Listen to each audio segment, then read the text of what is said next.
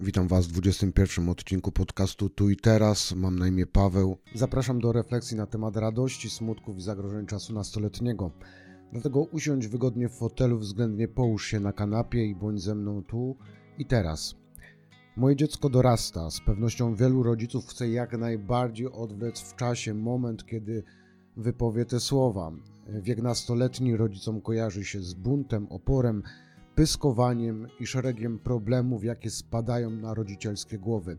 Warto wiedzieć, jak wiele problemów mają sami nastolatkowie i że wynikają one ze specyfiki rozwoju w tym czasie. Pojawiają się one w okresie przechodzenia z dzieciństwa w dorosłość.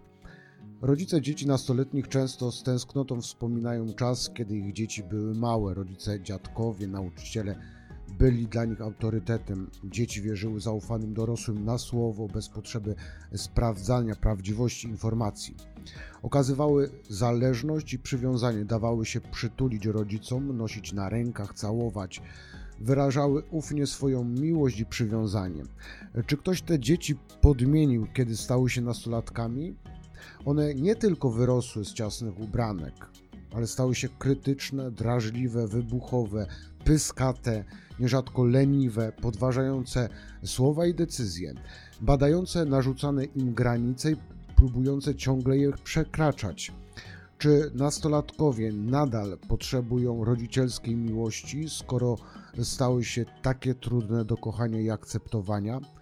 Odpowiedź oczywiście jest jednoznaczna. Tak, potrzebują jej jeszcze więcej niż wcześniej, choć czasami wymaga to od rodziców prawdziwego heroizmu, a na pewno w każdym przypadku ogromnej rodzicielskiej dojrzałości i cierpliwości. Dziecko dokochane przez swoich rodziców ma ogromną szansę e, przejąć ich system wartości, nauczyć się od nich jako wzorów swojej roli kobiety lub mężczyzny Dziecko odrzucane, poniżane, bite, bez mocnej więzi z rodzicami jest o wiele bardziej narażone na negatywne wpływy dzisiejszej, niełatwej dla wszystkich rzeczywistości, na zamęt w dziedzinie moralności czy wartości. Jak okazywać dzieciom miłość, żeby wiedziały, że są kochane? Przede wszystkim miłość rodziców musi być bezwarunkowa. Nie można kochać dziecka za to, jakie jest, ale trzeba kochać dlatego, że jest i że jest dzieckiem. I to nigdy, bez względu na okoliczności, nie powinno się zmienić. Dziecko nie musi zasłużyć na miłość rodziców grzecznym, uległym zachowaniem, sukcesami sportowymi czy szkolnymi, nawet jeżeli popełnia błędy, które bardzo martwią, a nawet ranią. Nigdy nie można wycofać swojej bezwarunkowej miłości, akceptacji względem dziecka. Akceptacji nie powinny podlegać wszystkie zachowania dziecka, ale ono samo jako człowiek już tak. Trzeba mieć czas dla dziecka. Tego daru nie zastąpią wszystkie materialne podarunki. Niezwykle cennym jest, by od czasu do czasu każdy rodzic ze swoim dzieckiem indywidualnie spędził czas, choćby godzinę sam na sam, żeby pokazać, jak jest dla niego ważne, by budować uczuciową więź z dzieckiem. Trzeba przekazywać dziecku informacje o tym, że jest przez rodziców kochane spojrzeniem w oczy, pełnym ciepła, pełnym miłości. Wszyscy doskonale znamy karcące spojrzenie, które potrafią zmrozić krew w żyłach. Ich przeciwieństwem są spojrzenia pełne miłości, których absolutnie nie może zabraknąć. Kolejnym bardzo ważnym elementem jest dotyk, kontakt fizyczny. Nadstolatek nie zawsze chce się jeszcze przytulić do mamy czy taty, usiąść na kolanach, ale nadal potrzebuje tej bliskości fizycznej, choćby w formie poklepania go po ramieniu, chwili mocowania się z ojcem, czy życzliwego szturchnięcia.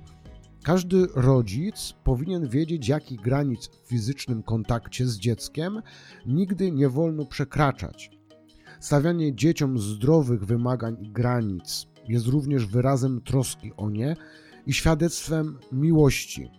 Początkowo w okresie dojrzewania granice te muszą być dość ścisłe, jasne, żeby z czasem móc je rozluźniać, nadawać dziecku kolejne przywileje związane z zaufaniem, na jakie sobie samo zasłuży. Nastolatki są bardzo krytyczne wobec swojego otoczenia, nie przyjmują już niczego na wiarę. Autorytetu rodzica czy nauczyciela nie da się już zbudować na zasadzie wpajania bezwzględnego posłuszeństwa wobec nieomylnych dorosłych. Na tym etapie stosunki rodzica z córką czy synem muszą coraz bardziej opierać się na przyjaźni, otwartości, szczerości, umiejętności dyskutowania z dzieckiem, poznawania jego zdania i ocen, czasami na umiejętności przyznania się do niewiedzy, błędu popełnionego przez osobę dorosłą, czy nawet umiejętności powiedzenia przepraszam, czy wybacz mi. Rodzice dorastających dzieci muszą się zmierzyć z ich buntem i gniewem. To bardzo trudny egzamin z dojrzałości rodzicielskiej, kiedy dzieci tracą kontrolę nad głośnością, tonem wypowiedzi, rodzajem wypowiadanych słów i bezpośrednio kierowaną złośliwością do rodzica. Nie można dać się sprowokować i przez stonowane reakcje uczyć dziecko ukierunkowywać złość i wyrażać gniew bezpiecznie. Gniew, który zostaje stłumiony i nie ma szansy na ujawnienie wprost, powoduje spustoszenie wewnętrzne, nieraz depresję, zamknięcie się w sobie, a nawet nerwice. Właśnie wyrażanie gniewu to bardzo trudna sztuka. Sami rodzice często nie mają jej dobrze opanowanej, ale trzeba się tego uczyć, żeby pomóc w jej opanowaniu nastolatkom. Jeżeli nastolatkowie nie będą umieli wyrażać złości, jeżeli nie będą mieli możliwości przyznawania się do złych uczuć, mogą wyrosnąć na osoby bardzo uległe, którym łatwo każdy wejdzie na głowę, którymi łatwo manipulować, które łatwo zastraszyć czy wykorzystywać. Może też się zdarzyć, że nastoletni bunt, skutecznie stłumiony przez surowych rodziców, przeniesie się w dorosłość i utrwali jako mm, postawa skrajnego negatywizmu. To całkiem normalne, e, że nastolatki interesują się płcią. W tym okresie rodzi im się bardzo dużo pytań e, w tych dziedzinach i jest dobrze, jeżeli zadają je rodzicom czy innym zaufanym dorosłym. Nie jest dobrą drogą wprowadzanie w dorosły świat przez internet, pornografię, bo to uzależnia, wykrzywia obraz miłości, właściwych relacji między kobietą i mężczyzną, a często tak się dzieje, że młodzi ludzie e, sięgają e, do internetu i tam uczą się, patrzą i widzą negatywne wzorce. Jeżeli brakuje im wiedzy, można razem z dzieckiem poszukać wiadomości w książkach czy zapytać konkretnych autorytetów. Chłopcy w tym czasie zaczynają zmieniać się w mężczyzn, ale nie wszyscy tak samo. Młodzi panowie zwracają uwagę na muskulaturę, a co gdy jej nie ma? Pozostaje wtedy siłownia, uprawianie sportu, aby wyrzeźbić mięśnie i poznać dziewczynę swoich marzeń. Nie da się ukryć, że dla nastolatków wygląd fizyczny jest ogromnie ważny. Co w tej sferze może być problemem? Z pewnością niechęć do zmian. Zmiany mogą być dla wielu nastolatków kłopotliwe, zwłaszcza, że ciało zmienia się praktycznie już na zawsze. Może pojawić się brak akceptacji własnego ciała, co z kolei prowadzi do obniżenia pewności siebie. Chłopcy nadmiar energii fizycznej zużywają w sporcie, w ruchu, różnego rodzaju twórczej aktywności, zaangażowaniu społecznym. Przyjaźń z ojcem, z którym chłopiec może się identyfikować w swojej męskości, jest w tym momencie życia nastolatka bardzo potrzebna. W powszechnym odczuciu dziewczynki są grzeczniejsze od chłopców. Zwykle sprawiają mniejsze problemy w szkole, łatwiej się podporządkowują dyscyplinie. Okres dojrzewania niesie zazwyczaj matkom i córkom bardzo duże wstrząsy w ich wzajemnej relacji. Dziewczynka podświadomie rywalizuje z matką, staje się wobec niej bardzo wymagająca i hiperkrytyczna, często opryskliwa i niepodporządkowana. Największym błędem matki w tym okresie jest wycofanie swojej miłości. Nastolatka ma ogromną potrzebę bycia nadal kochaną i akceptowaną przez matkę, której tak utrudnia życie. Kiedy dojrzewanie szczęśliwie minie, będą znowu dobrymi przyjaciółkami, ale trzeba umieć cierpliwie poczekać, nie paląc między sobą mostów i pamiętając o tym, kto w tej relacji jest dorosły. Ojciec powinien łagodzić konflikty pomiędzy matką i córką, bo ma do tego szczególne predyspozycje. Nikt nigdy nie podważał znaczenia miłości matki do dziecka, ale badania prowadzone nad rodziną, doświadczenie życiowe pokazują, że miłość ojca jest równie nie do przecenienia, szczególnie w trudnym okresie dojrzewania. Co więcej, prawidłowa więź małżeńska między rodzicami jest najlepszym gruntem dla rozwoju stabilnej osobowości przyszłego dorosłego człowieka. Jeżeli tych elementów układanki z jakichś względów brak, jest zdecydowanie trudniej. Dzisiejszy świat zmienia się w błyskawicznym tempie, szczególnie dzięki mediom społecznościowym czy internetowi. Trudno za tym nadążyć i wzbudza to słusznie niepokój. Dzieci dystansują się od rodziców, uciekają w świat, który nie jest przez nich dobrze oswojony, a tam czeka na nie wiele zagrożeń, z którymi często sobie nie radzą zarówno dzieci, jak i ich rodzice. Dobrze jest, gdy rodzice nie wstydzą się uczyć od nastolatków, pytać ich o zdanie, prosić o wyjaśnienie zasad nowych komunikatorów, bo to zbliża ich do siebie, do świata, do sposobu myślenia dorastających dzieci i może uchronić przed częścią niebezpieczeń związanych z zatopieniem w sieci. Jednak mimo obaw, lęków czy zagrożeń niesionych przez świat współczesny, Rodzice są nadal tymi, którzy mają największy wpływ na swoje dzieci. Tylko trzeba mieć tę świadomość i chcieć z tej możliwości umiejętnie skorzystać. Młodzi po prostu są w tej rewolucji technologicznej na czasie. Starsi czasami zwyczajnie nie ogarniają tego, jakie możliwości daje rozwój. Młodzi natomiast aktywnie z tego korzystają i nie boją się tego, to E, niesamowite, jak chociażby portal taki jak YouTube e, daje możliwość pokazywania siebie już nawet nastolatkom. Oczywiście można zawsze myśleć o ciemnych aspektach, ale na ten moment po co? Jest tylu fantastycznych młodych ludzi, którzy pokazują, jak śpiewają, jak komponują muzykę, albo jakie teledyski kręcą przy użyciu zwykłej kamery w telefonie, właśnie za pośrednictwem internetu. Młodzi twórcy są niezwykle kreatywni i wyciskają tę cytrynę, jaką jest rewolucja technologiczna e, w całości. Zwyczajnie warto brać z nich przykład. Młodzież tak często pozbawiona szans na ciekawą przyszłość, zatraca się w szarej codzienności dnia, niejako kopiując zachowania swoich starszych kolegów, którzy z podobnych przyczyn tkwią już dawno w bezczynności. Młodym ludziom bardzo często imponują złe przykłady, przemoc, rozwiązywanie problemów przez zażywanie narkotyków.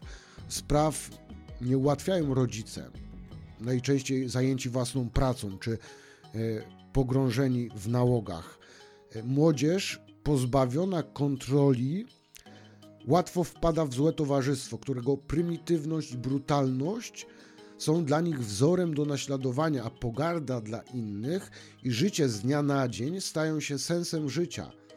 Duża część młodzieży stała się materialistami, wyznającymi kult pieniądza, markowej odzieży, drogich elektronicznych gadżetów. Nierzadko sami rodzice winni są tej sytuacji, skoro potrafią już dzieciom na komunie e, kupować ekskluzywne i zupełnie nieprzydatne prezenty.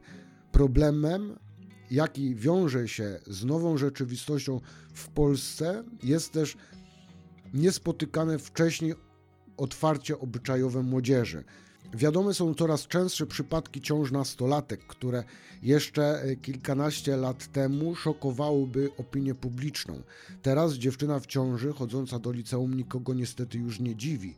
otwarcie się na świat, epoka komputerów, internetu e, spowodowała również obniżenie intelektualne młodzieży. Kolorowe czasopisma, tabloidy, brutalne gry komputerowe znalazły wśród młodych ludzi najlepszych i najbardziej podatnych na proste treści odbiorców. Czytelnictwo książek spadło drastycznie. Do teatrów większość młodzieży chodzi tylko wówczas, gdy e, wyjścia na spektakle organizuje szkoła. Dużym problemem młodzieży jest brak wiary w państwo, mówiąc oględnie. Młodzież mająca dostęp do internetu jest zazwyczaj doskonale poinformowana o wydarzeniach e, politycznych w kraju, ale czy naprawdę rzetelnie? Codziennie widzi kłócących się o niezrozumiałe i często głupie dla nich drobiazgi polityków. Czy oni nie są manipulowani? Czy potrafią e, sami myśleć?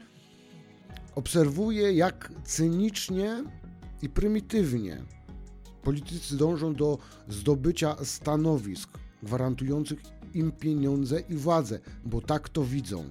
Młodzi ludzie, widząc to wszystko, tracą wiarę w to, że w Polsce może być lepiej, że z takimi ludźmi u władzy mogą udać się jakieś przemiany gwarantujące im poprawę życia i pomoc w doścignięciu kolegów z innych krajów. Ale to jest im tak e, pokazywane, czy nie są zmanipulowani.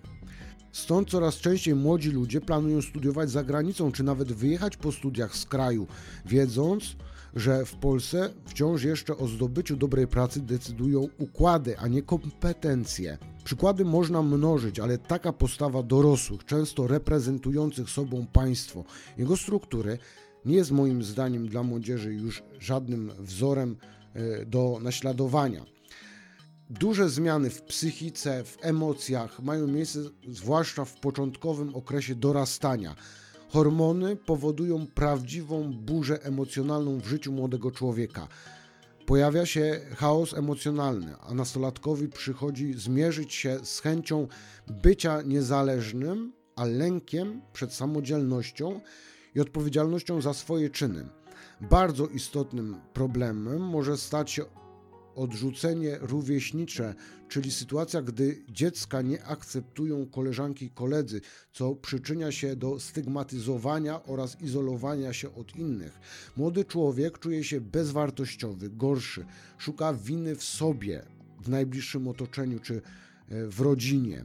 Nastolatek zaczyna poszukiwać siebie, swojej tożsamości, przez co pojawiają się liczne eksperymenty e, dotyczące własnego wyglądu, stylu, zainteresowań, a teraz słyszy się nawet o płci. Może to skutkować niestety próbowaniem tego, co jest zabronione. Młodzież paląca papierosy czy pijąca alkohol nikogo już nazbyt nie szokuje, ale młodzi ludzie sięgają mm, również po dopalacze czy narkotyki. Używanie tych substancji może skończyć się tragicznie. Dlaczego nastolatki sięgają po używki? Z ciekawości, chęci spróbowania czegoś nowego, z nudy, braku zajęcia, chęci zaimponowania znajomym. Próbują dopasować się do grupy, zagłuszyć gdzieś problemy, na przykład w szkole, czy z sympatią, albo poprawić sobie nastrój, zabawić się, albo e, po prostu zrobić rodzicom na złość. Nawet jednorazowe sięgnięcie po papierosa czy wypicie po kryjemu piwa z kolegami może stać się przyczynkiem do uzależnienia, bo nastolatek czyni z używek środek rozwiązywania problemów, gdy zaczyna z niego korzystać regularnie. I w młodym wieku można się uzależnić i to o wiele szybciej. O wiele trudniej jest wtedy wyjść z nałogu.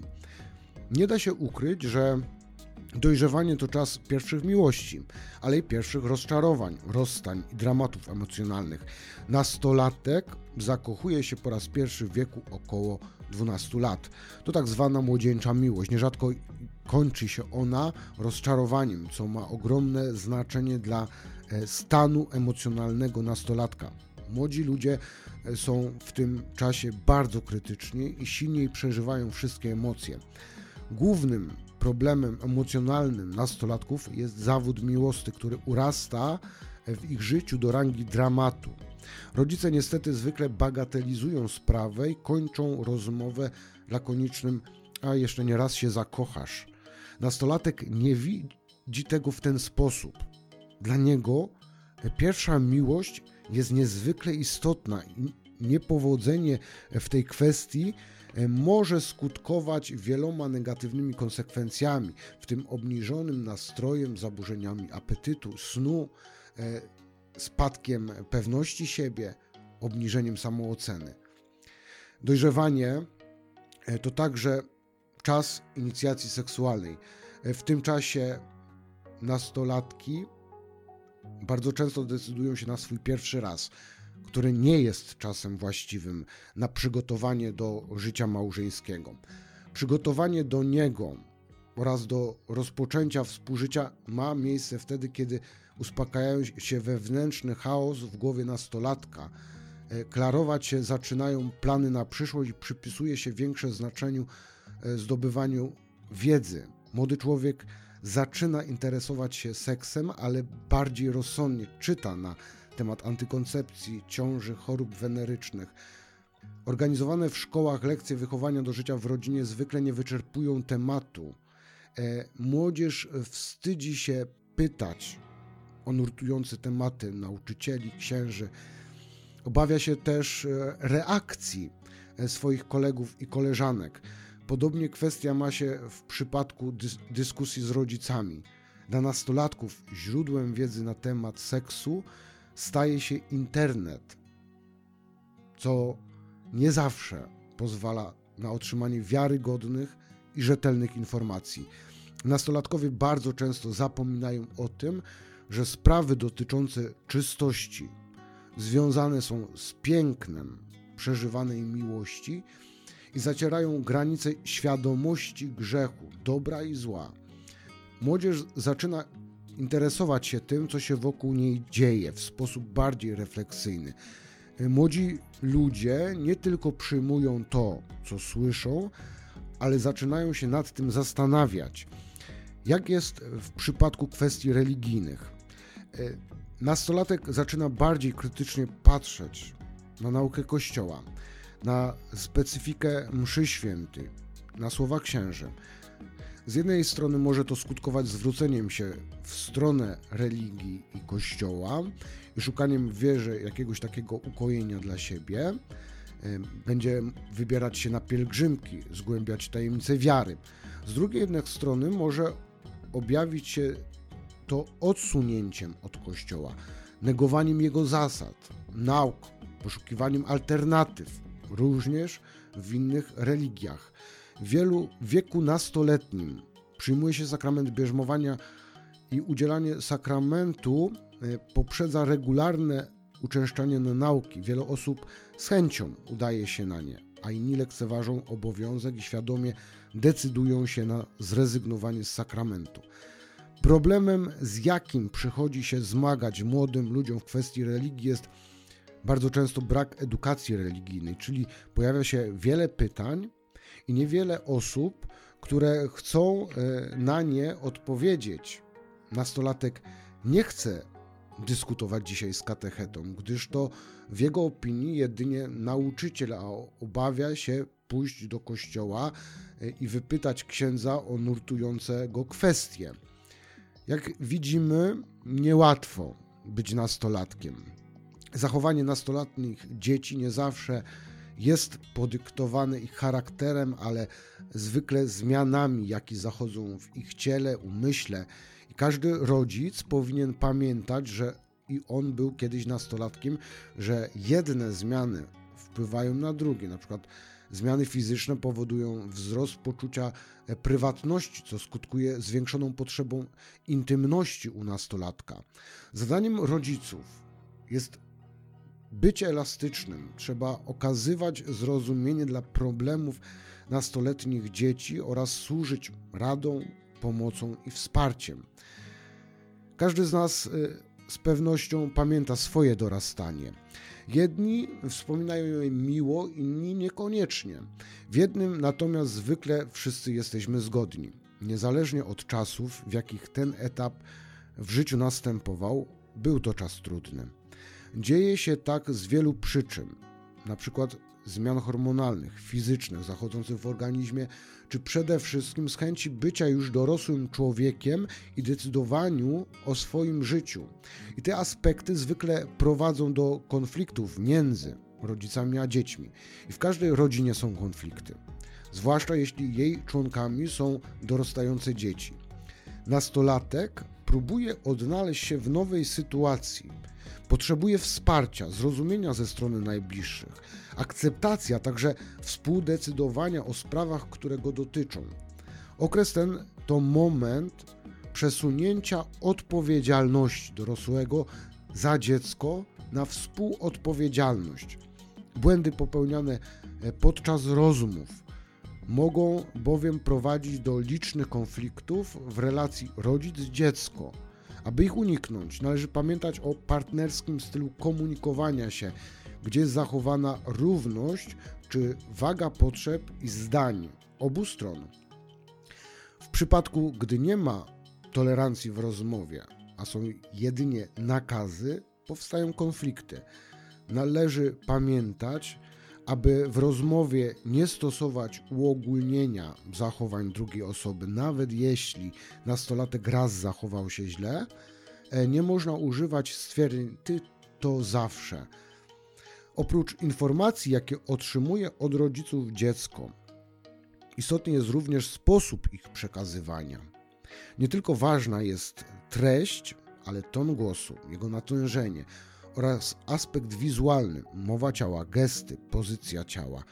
Komunikacja niewerbalna pozwala poznać emocje i uczucia drugiej osoby, a także stosunek, jaki żywi ona względem nastolatka. Co więcej, należy pamiętać, aby jak najwięcej rozmawiać z dzieckiem, utrzymywać z nim więź i unikać i nie unikać trudnych tematów.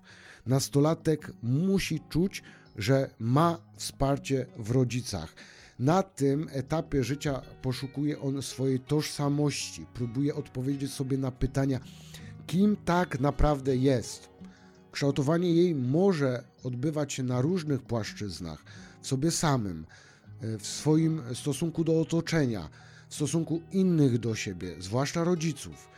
Jest to proces trudny, ale niezbędny do wypracowania prawidłowych relacji z innymi ludźmi. To poszukiwanie własnej tożsamości, odnajdywanie siebie w trudnej rzeczywistości odbywa się najczęściej metodą prób i błędów. Najpierw młodzież sprawdza wiele rozwiązań, by wybrać to najlepsze. Stąd tak liczne eksperymenty, nie zawsze aprobowane i akceptowane przez rodziców. Zmiana w ubiorze, kolorze włosów, nawet e, całkiem nowa fryzura, wyzywający makijaż, dodatkowe kolczyki czy nawet tatuaże. Młody człowiek po prostu próbuje wielu rzeczy, a najłatwiej mu jest coś ocenić, gdy sam tego doświadczy. Dąży do realizacji jednych celów, odrzucając inne. W tym okresie nastolatki z reguły są wybuchowe, uparcie bronią swego zdania, starając się wywalczyć niejako swoją niezależność. Zmienność emocjonalna, przechodzenie z jednej skrajnej emocji do drugiej, to kolejny wyznacznik okresu dorastania. To sprawia, że zachowania młodzieży także trudne są do przewidzenia. Raz nastolatek na pewien bodziec zareaguje spokojnie, a raz wybuchem gniewu. Nie potrafi on kontrolować własnych emocji jego hormony ulegają przemianom. W takich warunkach nie jest łatwo nad tym wszystkim zapanować, dlatego ma to też wpływ na relacje z otoczeniem. I skoro nastolatek przeżywa tak wiele wewnętrznych konfliktów, popada z jednej skrajności w drugą, więc może to przyczynić się do konfliktów z rodzicami. W tym okresie uczucia są bardzo ważne dla dorastającego dziecka. Chce ono, by inni brali je pod uwagę. I tak na przykład nastolatek jest zadowolony na myśl o wyjeździe w góry ze znajomymi. Rodzic natomiast niezadowolony i pełen obaw o bezpieczeństwo swojego dziecka. Nie trudno w tym momencie o kłótnię, gdy rodzic zabroni dziecku wyjazdu. Zacznie ono odczuwać smutek e, lub wręcz nienawiść w stosunku do swojego rodzica. Mówiąc o emocjach i uczuciach, Należy wspomnieć także o gniewie, który przejawia się w pewien specyficzny sposób w tym okresie. Częściej jest on tłumiony czy maskowany. Można go jednak wyczytać z niektórych zachowań nastolatka, takich jak m.in. burkliwe odpowiedzi, zaciśnięte pięści, dąsy czy po prostu milczenie. Jeśli występuje konflikt, odczuwają go nie tylko rodzice i dzieci, ale i cała rodzina. Aby zminimalizować choć w jakimś większym stopniu konflikty, trzeba nauczyć się rozmawiać z nastolatkami. Nie należy unikać trudnych tematów, a rozmowy muszą odbywać się na e, stopie partnerskiej. Rodzice muszą się starać być wyrozumiałymi, empatycznymi, otwartymi na swoje dzieci, dopuszczać możliwość, że dziecko może mieć rację. Należy nastolatkowi stworzyć możliwą przestrzeń do podejmowania przez nich decyzji. Nie można bagatelizować e, problemów dziecka, które mogą się dorosłym wydawać małe, ale dla niego są niezmiernie ważne. E, trzeba nauczyć się zauważać zmiany w życiu młodego człowieka i reagować na nie. Przede wszystkim trzeba rozmawiać z dzieckiem, spędzać z nim czas, interesować się jego życiem. Warto, by rodzic również opowiedział dziecku, jak radził sobie z podobnymi problemami, uświadamiając go, że przechodził przez to samo. A gdy rodzic czuje, że z dzieckiem dzieje się coś złego, należy szukać pomocy u specjalistów. Współczesną młodzież często opisuje się przez pryzmat jej trudnych zachowań i problemów, ale przecież współczesna młodzież to fantastyczni ludzie, którzy mają wiele mocnych cech i umiejętności, jakich nigdy nie posiedli przedstawiciele poprzednich pokoleń. Młodzi ludzie wyróżniają się większą niż kiedyś otwartością, kreatywnością. Jest w nich swoboda przyjmowania zmian, budowania nowości. Wiedzą, że świat stoi dla nich otworem. Ostrożności i rozwagi, miejmy nadzieję, nauczy ich doświadczenie pod warunkiem, że będą otoczeni mądrymi dorosłymi, którzy swoimi czynami przekażą, co w życiu stanowi prawdziwą wartość, a co jest jedynie ulotną chwilą. Oby każdy rodzic, każdy, kto jest w otoczeniu nastolatka, był źródłem wiedzy o akceptacji, miłości, szacunku, pomocy w realizowaniu dążeń i rozwijaniu zainteresowań.